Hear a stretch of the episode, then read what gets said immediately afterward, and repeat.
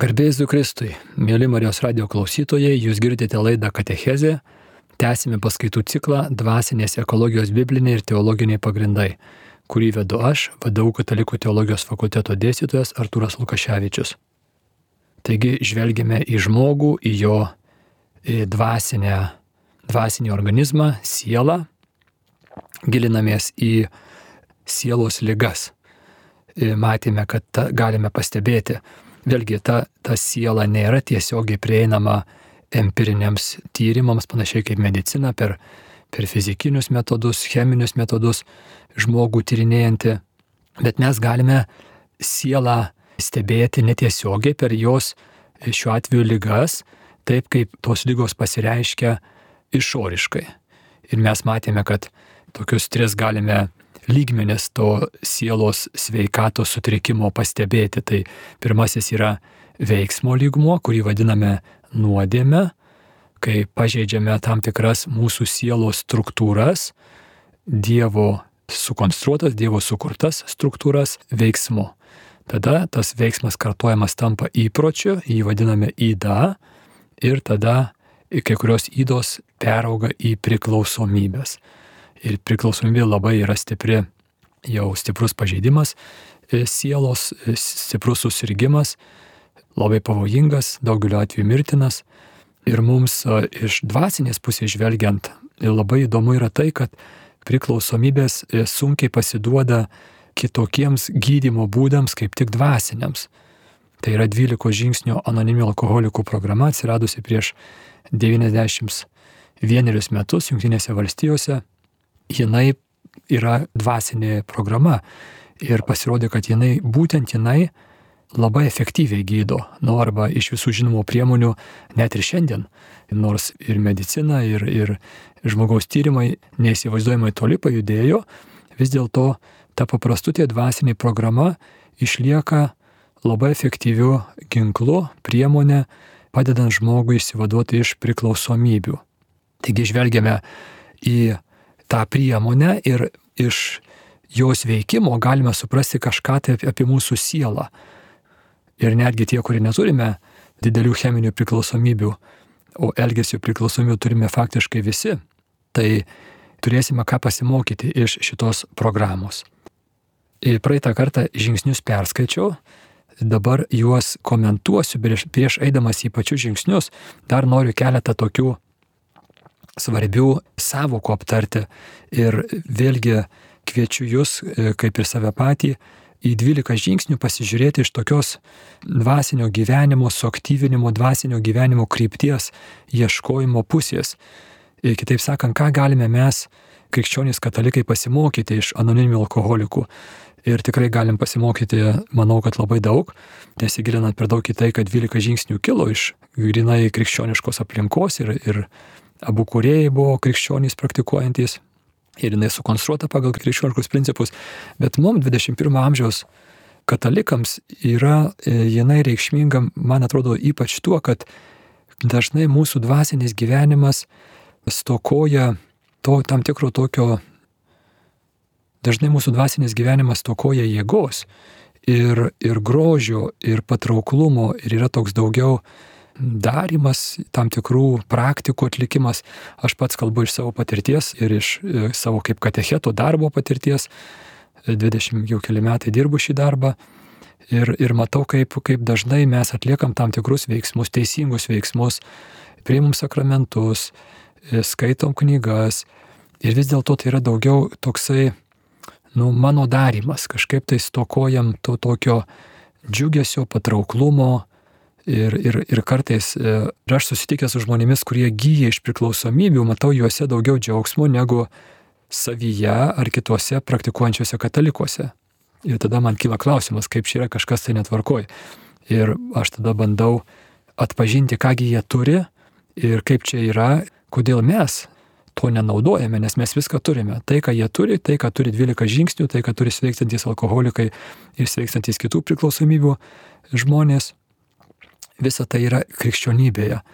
Tai kviečiu tokį, tokį pasimokymo, atpažinimo žvilgsnį į 12 žingsnių. Taigi svarbi savoka, kalbant apie priklausomybės, yra dugnas. Alkoholikai sergantys alkoholikai, sveiksantys alkoholikai kalba apie dugną kaip tam tikrą būseną, kuri, kurioje žmogus susiduria su labai skaudžia realybė ir kadangi jinai tokia skaudi, tai jisai negali nuo jos pabėgti. Dugnas yra neįgymo priešingybė. Kaip žinome, priklausomi žmonės, ypatingai cheminėse priklausomybėse ir faktiškai visose tikrai, tikrai ir elgesio priklausomybėse esantys žmonės, visi mes esame linkę neikti realybę, neleisti realybėj prabilti ir mes sakom, geriau aš spręsiu, kas yra gera ir kas yra bloga, aš spręsiu, kas yra ir ko nėra. Ir štai, reiškia, mes nupiešėm savo vaizdelį. Žinom, kad, pavyzdžiui, žmonės, kurie serga alkoholizmu, jie nepripažįsta savo, savo lygos ir sako, jeigu aš tik norėčiau, tai aš galėčiau mesti gerti, ar aš kontroliuoju savo gerimą, nieko čia tokio jau labai baisaus ir panašiai. Nors aplinkiniai mato, kad tikrai viskas griūva ir sveikata pašlyjusi, ir darbo netenka, ir šeima jau byra, viskas griūva, o žmogus neigia tą, tą baisę lygą. Tai vad dugnas yra tas momentas, kada nu, ne, ne, nepavyksta daugiau neigti. Žmogus susiduria su, su nepaneigiama realybė kur neina sakyti, kad nieko čia baisaus, jeigu tik norėčiau, tai aš galėčiau padėtį pakeisti. Ir ta padėtis, nu, faktiškai labai baisi, dugnas yra tikrai labai baisi būklė. Žmogus yra praradęs viską, tai yra darbą, sveikatą, draugus, šeimą, nakvoja ant soliuko kažkur tai, valkatauja ir, ir panašiai. Tai šitoj va būklė jau yra sunku pasakyti, kad jeigu tik norėčiau, aš galėčiau pakeisti arba aš padėtį kontroliuoju. Tai e, šitoje būklėje ir tada specialistai sako, kad tada yra du keliai. Arba į viršų, arba žemyn. Arba dugnas pramušamas ir tada jau, jau žmogus e, miršta iš esmės, reiškia, sugriuva jo gyvenimas ir fizinis taip pat. Arba jisai kreipiasi pagalbos. Nustoja neikti būklės rimtumą, pripažįsta, kad jam reikalinga pagalba ir eina jos ieškoti. Tai va tai šitas dugno dugno konceptas yra mums visiems svarbus, nes iš esmės mūsų visų dvasinio ir psichologinio gyvenimo didžiausias trukdis yra neigimas. Neigimas, realybės neigimas. Kitaip sakant, mes neleidžiame realybę ir taip pat tos realybės autoriui prabilti mes kuriam savo realybę ir mes sakom, viskas yra ne taip, kaip atrodo, o iš tikrųjų va štai kaip yra. Ir alkoholikas labai, nu, akivaizdžiai išoriniam stebėtojui matosi, kaip jisai akivaizdžiai iliuzijoje gyvena. Bet iš esmės, iš esmės mes visi kažkiek tai tame esame, todėl kad visi turime kažkokiu tai priklausomybių. Mažai, nu, gal kas nors, bet iš esmės atrodo, kad specialistai sako, kad, kad reiškia, ypač šiais laikais vakarų pasaulyje labai sužalotame psichiškai pasaulyje, žmogaus, kuris visai neturėtų priklausomybę, turbūt, turbūt net ir nėra. Tai tas vat neigimo momentas, reiškia, yra didysis mūsų priešas ir, ir reiškia, alkoholikai turi tą baisę dugno patirtį, kuri, kuri nu, su, iš, sudaužo tą, tą iliuziją ir realybė, labai skaudi realybė prabyla aišku, tada klausimas iškyla, ar būtina pasiekti, fiziškai pasiekti tą dugną tam, kad pradėtum kilti. Ir čia yra klausimas iškilęs ankstyvaisiais anoniminių alkoholikų laikais. Ir jie pastebėjo, kad ačiū Dievui nebūtina. Kokiugi būdu galima be dugno pasiekimo, be asmeninio dugno pasiekimo vis dėlto pradėti kelionę aukštyn. Ir jie štai ką sako, jeigu žmogus yra pakankamai viduje sažiningas, tai jisai e, klausydamasis kitų alkoholikų pasakojimų apie jų dugną, apie tai, kaip jie viską prarado, atpažįsta save, keliaujant į tą pačią kryptimį ir padaro tinkamas išvadas. Kitaip sakant, mes galime pasiekti tą dugną virtualiai, žiūrėdami į kitus žmonės, kurie pasiekė tai fiziškai, mes galime atpažinti savo kelionę ir sakyti, nu, tai štai aš esu tame pačiame kelyje, tik tai dar metai ar pusė metų ar trys mėnesiai iki tos būklės esu. Tai žmogus, reiškia, susimobilizuoja, padaro išvadas, tikriausiai įsigasta labai stipriai ir, reiškia, imasi priemonių padėčiai keisti.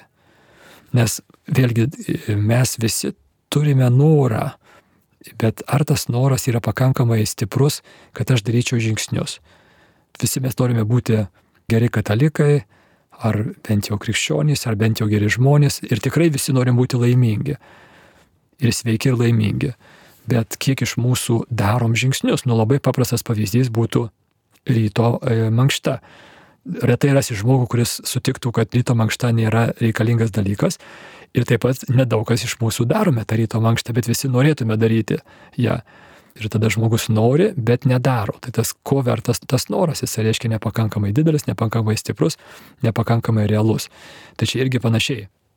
E, dažnas alkoholikas pripažins, kad jis norėtų mesti gerti, ypatingai jau jeigu jisai juda link, link ten tų paskutinių stadijų. Bet ar tas noras išsireikš veiksmais? Va čia tas didysis klausimas. Ir čia dugnas yra būtinai reikalingas. Reiškia, be dugno mūsų noras liks tik tai tokiu pasvaičiojimu, tik tai kalbomis. Mažai ką reiškia toksai noras.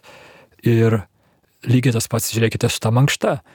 Tik jau tokie prispirti lygos ar, ar, ar būklės kokios kitokios e, negeros, mes pradedame mankštintis, pradedame dienotvarkę susitvarkyti, mytybą susitvarkyti ir taip toliau. Nors visi norėtume sveikiau gyventi, bet tas noras nesirealizuoja veiksmais. Tai čia dugnas yra būtinai reikalingas. Ir iš krikščioniškos pusės žvelgiant tai yra, tai yra e, re, leidimas Dievui būti Dievu, leidimas Dievui pasakyti e, per realiai esančią situaciją, per realiai esančius dalykus, pasakyti, kaip čia yra ir tada aš tam paklūstu. Neigimo priešnuodis, kaip vėliau kalbėsime, yra nuolankumas labai svarbi ir labai nesuprasta darybė. Taigi tiek būtų apie dugną. Tada alkoholikai, kurie jau pripažįsta, kad, kad reikia imtis veiksmų, neužtenka tik tai gerų norų, bet reikia, kad tie norai realizuotųsi veiksmais, jie yra pakviečiami į grupės. Reiškia, jie turi rinktis kartu ir kartu kalbėtis pagal tam tikrą sistemą, vadinamą 12 žingsnių, jie turi kalbėtis apie savo priklausomybės. Ir įdomus dalykas yra kad statistika rodo, jog tie žmonės, kurie ateina į grupę ir ten gali net nieko nekalbėti. Nu, jeigu kažką ir pasakys labai gerai, bet reiškia, tu tik ateik ir tavo šansas, kad tu būsi, išbūsi blaivas, net krisi gerime, labai išauga. Vien tik tai nuo pabuvimo toje toje atmosferoje, tame dalinimasi. Tenais alkoholikai anonimiai ar kitų priklausomybių žmonės, jie kalbasi apie savo bėdas, apie savo atkreičius, savo patirtis, savo sėkmes, pasiekimus dirbant e, blaivėjimo programoje ir panašiai. Tai, tai va tas grupių susitikimai yra labai svarbus, raktiniai, būtini.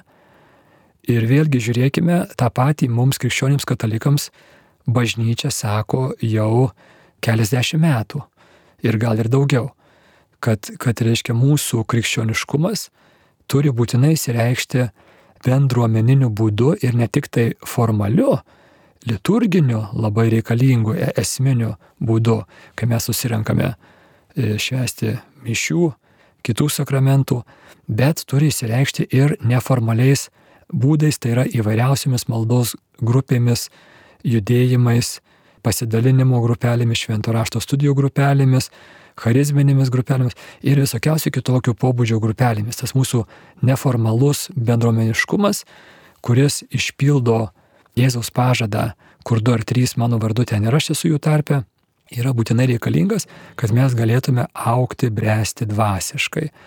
Tai anonimi alkoholikai tą atrado sunkiojų būdu ir jie puikiai žinojo, e, praeitoj laidoj pasakojo, kaip įkūrėjas Bilas atrado 12 žingsnių iš esmės tokiu būdu, kai jisai, jisai reiškia jaučia, kad jau jam atkritis artėja, kuris gali būti paskutinis ir jį likusiam gyvenimui teks uždaryti į psichiatrinę ligoninę e, su stipriais raminančiaisiais vaistais.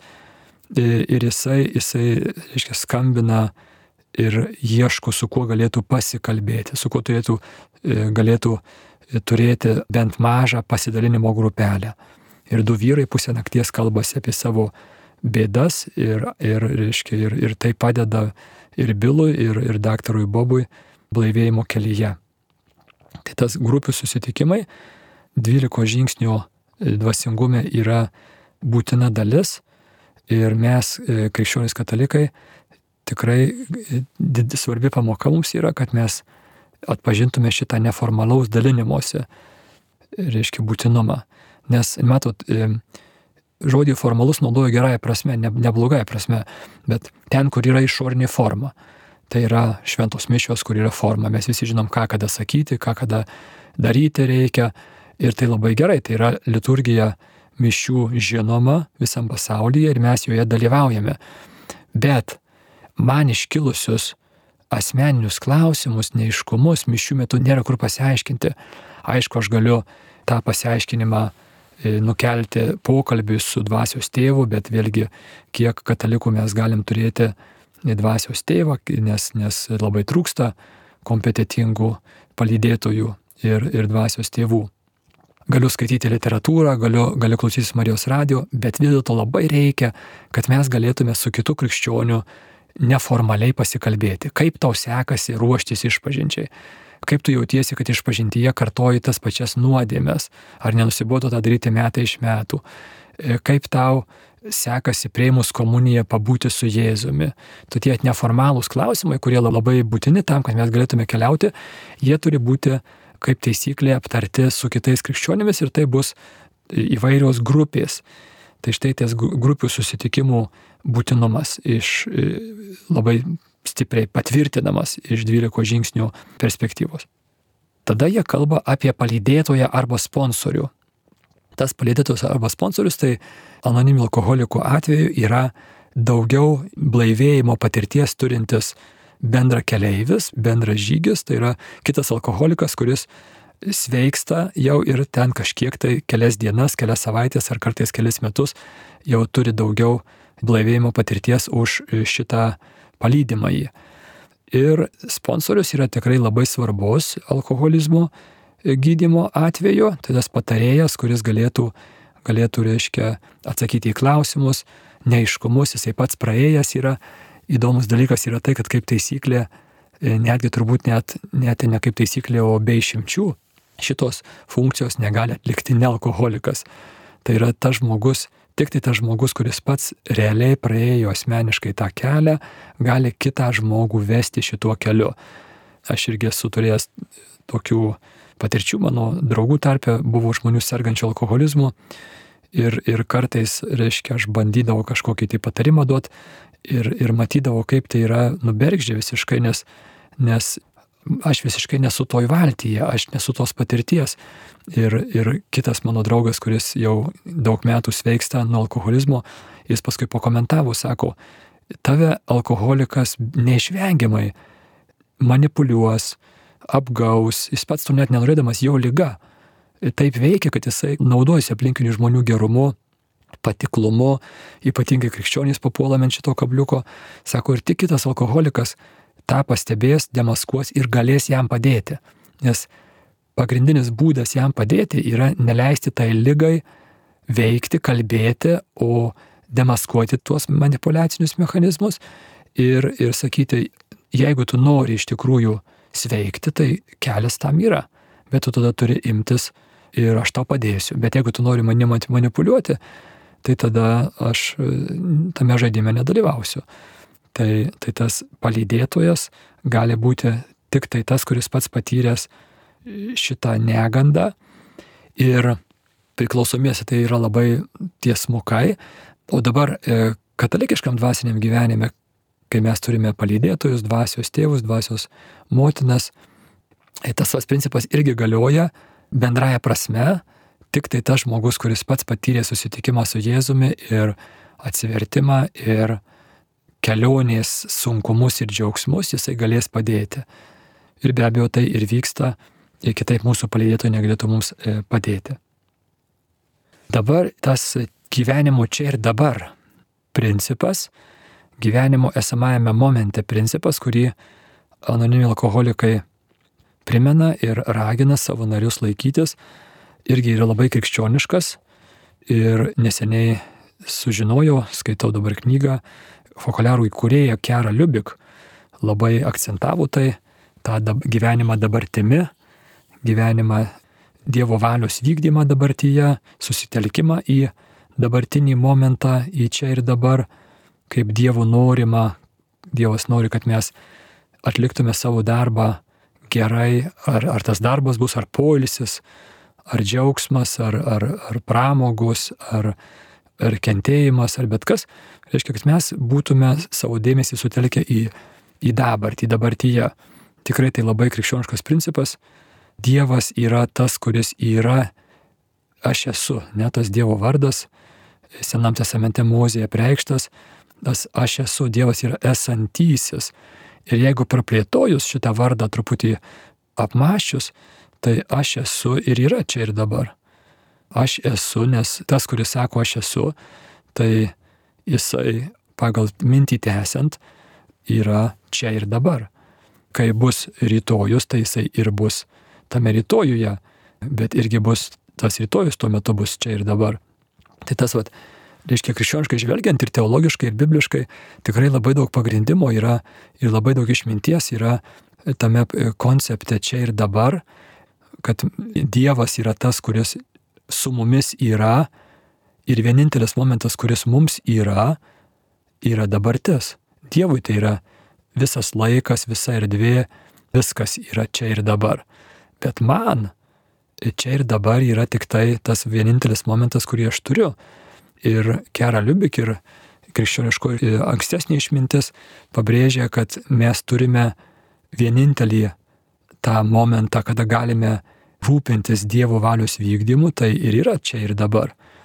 Ir mūsų dvasinė ir taip pat psichinė negalė kyla iš mūsų iškeliavimo iš čia ir dabar, kai mes e, gyvename dėmesį sutelkę į bergždžią praeities nuoskaudų e, nagrinėjimą arba ateities baimių nagrinėjimą. Ir mes tada gyvename kažko tai bijodami, kas dar gal net niekada neteis, arba mes gyvename nuskaudaudami to, ko jau nepakeisi. Ir daug krikščionių e, šventųjų yra e, šitą pabrėžę, kad, kad turime gyventi čia ir dabar, praeities jau nėra, ateities dar nėra, tai, kas, ko mes bijome, gal niekada neįvyks ir dabar eikvoti savo energiją tam, kas galbūt niekada neįvyks, yra tikrai tuščias reikalas. Ir ta svarbioji e, malda, e, žiūrėkite, kurioje prašome mergelės Marijos užtarimo, mes to užtarimo ir pagalbos prašome dviem svarbiausiais mūsų gyvenimo momentais. Tai yra Marija melskės už mus dabar ir mūsų mirties valanda. Tai yra tie du, du, du svarbus momentai. Tas dabar, kuris vis tas dabar jisai, jisai mūsų gyvenime juda ir tada jis iš esmės nulems mūsų mirties valandos apsisprendimą. Meldžiame ištverti iki galo malonės ir tam, kad mes ištvertume iki galo tą didįjį perėjimą mirtį, mes turime gerai atlikti šitos šitos paruošiamosius darbus per mūsų dabar. Tai va tas, tas dabar e, tikrai labai stebėtinai giliai ir man atrodo pamiršta yra šita savoka mūsų, mūsų e, katalikiškame dvasingume. Aš jau bent pats ją taip atradinėju iš naujo ir žiūriu, kokia jinai gili savo biblinėmis ir teologinėmis ir, ir dvasingumo teologijos šaknimis.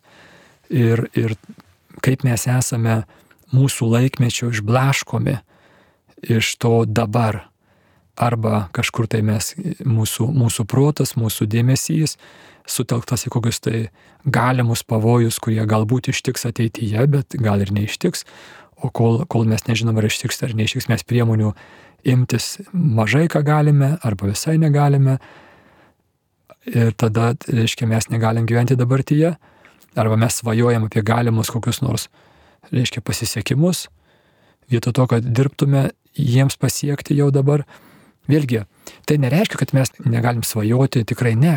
Krikščionys visais laikais buvo didieji svajotojai, didieji, didieji Dievo karalystės kuriejai šioje žemėje. Ir tikrai svajonė, vizija yra labai svarbu. Bet kaip tą atskirti nuo to lyguisto ir lygoto tokio klaidžiojimo savo savo iliuzinėse vaizduotėse, nukreiptose į ateitį arba į praeitį, arba lygotoje atmintyje, kuri nukreipta į praeitį ir jinai, jinai tą patį per tą patį, kodėl taip įvyko, kodėl man taip įvyko, kas būtų, jei nebūtų įvykę, kai ir, ir, kitai tušti klausimai, kurių tu nepakeisi. Tai tas va čia ir dabar, man atrodo, kad būtų labai reikšmingas, reikšminga pagalba mums krikščionims katalikams, tam, kad mes galėtume susitikti su Dievu ir vienintelis susitikimo su Dievu momentas yra čia ir dabar. Nes Dievas su manim yra čia, jis yra tas, kuris sako, aš esu. Ir jeigu aš tuo metu nesu dabartyje, o esu iškeliavęs kažkur tai į praeitį arba į ateitį, tai mano susitikimas yra neįmanomas. Ir piktasis nuolat, nuolat traukia mus, kad mes nesusitiktume su Dievu, gyvendami kažkokius tai iliuzijose. Dievas yra realybės Dievas ir, ir mes su juo galim susitikti per realybę, jisai kalba per realybę, bet mano protas sergantis, mano vaizduotė, mano psichika mane iš tos realybės ištempia į visokiausius iliuzinius, įsivaizduotus nuskaudavimus arba svajojimus ir įvairios psichologinės programos samoningumui didinti, tas angliškas terminas mindfulness išreiškia tai šiandien labai populiarios. Vėlgi jos e, ima iš šito krikščioniškojo aruodo.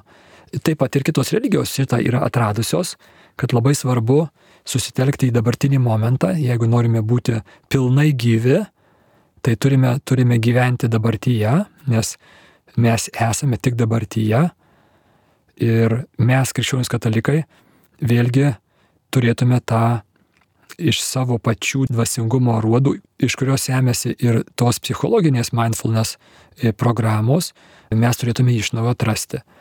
Ir galime taip pat pasvarstyti, ar kartais tas sūnaus palaidūno palyginimas e, Luko Evangelijoje esantis, kai e, jaunėlis sūnus iškeliauja į tolimą šalį, ir tenais praranda visus savo lobius, ar tai nėra didelė dalimi išėjimas iš dabartinio momento. Juk tėvų namai tai ir yra, kur mes esame su Dievu, o su Dievu mes galime būti tik tai čia ir dabar.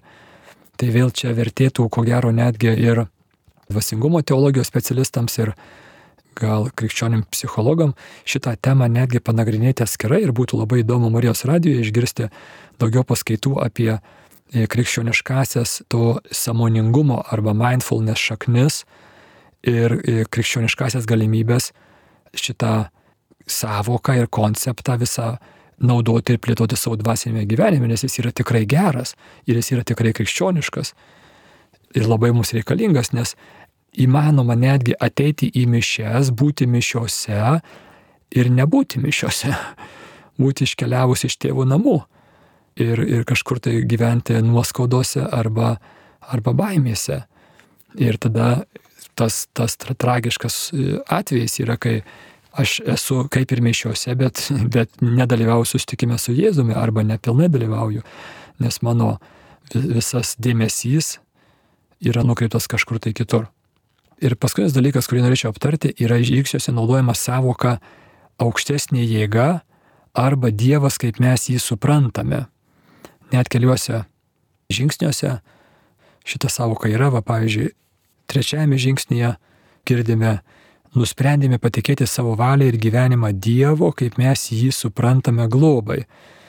Arba antrasis žingsnis - įsitikinome, kad tik galingesnė už mus pačius jėga gali gražinti mums sveiką mąstymą. Ir panašiai. Tai šitie įsireiškimai kartais e, katalikui kelia tokį, tokią abejonę, ar čia tikrai galime mes krikščionys katalikai tokius žingsnius praktikuoti, ar čia neturėtų būti tiesiog Dievo arba Jėzaus globai vietoj, reiškia, jėga arba Dievas, kaip mes jį suprantame. Tai istoriškai žvelgiant į žingsnius, taip ir buvo pradžioje. Pradžioje, kai tie žingsniai buvo sukonstruoti, tai jie buvo tiesmukai, labai tiesiai šviesiai, reiškia, nusprendėme atsiduoti Dievo globai ir viskas.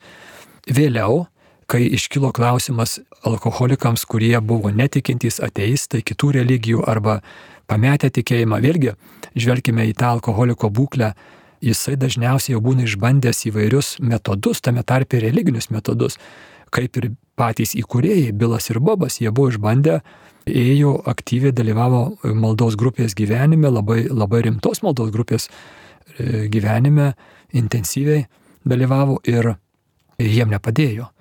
Tai ir mes taip pat turime pažįstamų tarpę tikriausiai, kurie yra tikintys žmonės, kartais nes dvasininkai, kurie turi alkoholizmo problemų ar, ar reiškia kitų priklausomybių problemų turi ir aktyviai gyvena dvasinį gyvenimą, e, kaip sakant, ir mišios, kasdienės mišios, ir malda, ir viskas, ir kaip čia yra, kad tai gali kažkaip tai prasilenkti su realybė lygos ir žmogus gali gyventi tą atrodytų labai intensyvų dvasinį gyvenimą, vėl kunigo dvaresko pavyzdys ir, ir liudijimas nuostabus, sukrečiantis ir paliečiantis ir, ir pagalbos bendruomenė, kurią, kuriai dabar jisai e, vadovauja, tą rodo, kad, kad kažkaip tai reiškia, galime mes tas teisingas formulės sakyti ir jos kažkaip tai gali nepaliesti mūsų gyvenimų ir tie gyvenimai eiti, eiti žemyn ir griūti gali ir mes tuo pačiu metu išlaikome tas teisingas formulės.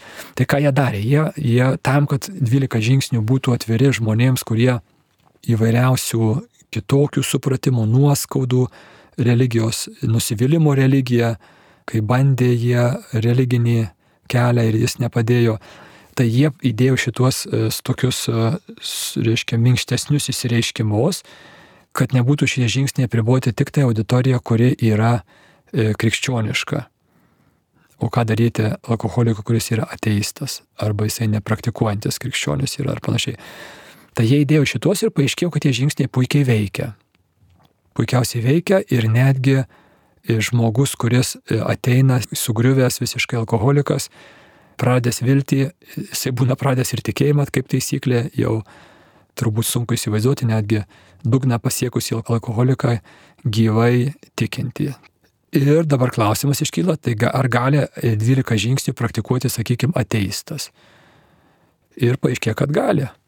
Puikiai veikia ir praktika rodo, kad kaip taisyklė, judėdami žingsniais ir sveikdami, jie atranda ir, ir pamato ir išvelgia vis labiau ir ryškiau tikrai Dievą, kuris yra vienas, toks koks yra, jisai apsireiškia Jėzuje Kristuje, visame biblinėme prieiškime jisai apsireiškia, bet Dievas toks, koks yra, mes jį matome per supurvintus ir užtertus akinius, per savo paties žmogiškumą.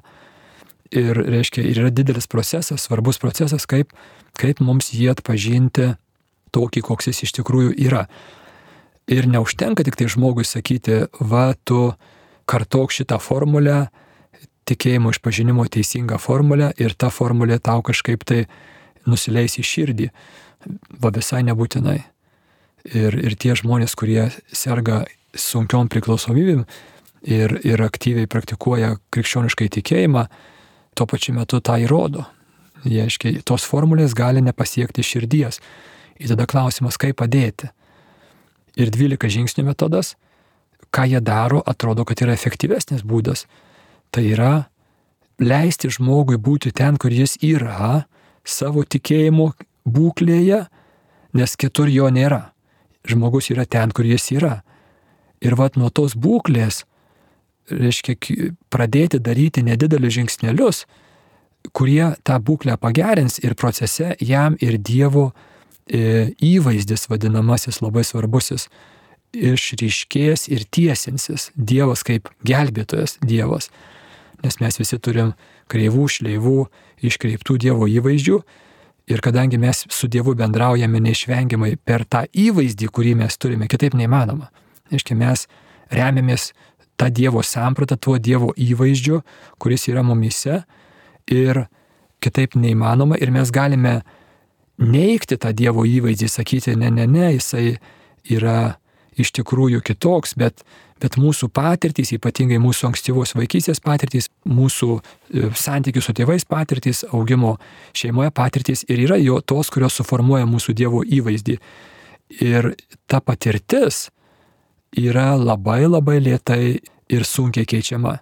Ir neužtenka tik tai taip direktyviai sakyti, reiškia tavo Dievo įvaizdis yra neteisingas, štai teisingas, tu tą atmesk, priimk teisingą ir tada viskas bus gerai. Čia yra didžiulis procesas, didžiulė kelionė ir 12 žingsnių atrodo, kad rado raktą jai keliauti. Tai yra padeda žmogui patirti Dievą kaip gelbėtoją, kaip gelbėjantį Dievą ir per tą patirtį tiesintis savyje esančius Dievo įvaizdžius. Viena eilutė iš psalmės 145 pasirinkau, kuri padeda suprasti tą procesą. Dievo pagalba kaip pirmoji, prisileidimas Dievo pagalbos prieš priimant teisingą Dievo įvaizdį, o ne atvirkščiai. Nes negalim priimti teisingo Dievo įvaizdžio intelektualiai, jeigu mūsų patirtys, nu, mes galim, bet tas tai nebus vaisinga dvasiškai, mes galim kartoti teisingas, teisingas formulės ir stebėtis, kodėl mūsų gyvenimai eina kreivais keliais, kas labai dažnai ir vyksta. Tai psalmės 145 Dievas prilaiko kiekvieną, kas klumpa, pakelia visus gyvenimo palauštus. Kiekvieną, kas klumpa ir pakelia visus gyvenimo palauštus, aišku, tie, kurie leidžiasi būti pakeliami, nesako, kad viešpats prilaiko teisingą išpažinimą sakančius, kas yra svarbu, bet kaip iki to teisingo išpažinimo ateiti širdimi, va čia tas didysis, reiškia, klausimas yra. Tai šventam rašte galėtume rasti ir daugiau tokių e, citatų rodančių tą Dievo, nu galų gale Jėzus irgi gydė ir, ir gelbėjo ir išlaisvino žmonės gana įvairiose dvasinėse ir moralinėse būklėse. Ir tada jie, jų gyvenimai tiesinosi ir jie išpažino Jėzų ir viešpačiu, ir, ir gelbėtų, ir tapo jų, jo sekėjais, ir apaštalais. Tai va tas patirties ir intelektinio išpažinimo teisingos santykis yra labai svarbus. Jį dar pratęsiu kitą, kitoje laidoje. Dabar jau baigsime klausytis laidą Katechezė, paskaitų ciklą Dvasinės ekologijos bibliniai teologiniai pagrindai, kurį vedu aš, vadovau Katalikų teologijos fakulteto dėstytojas Arturas Lukaševičius. Likite sveiki.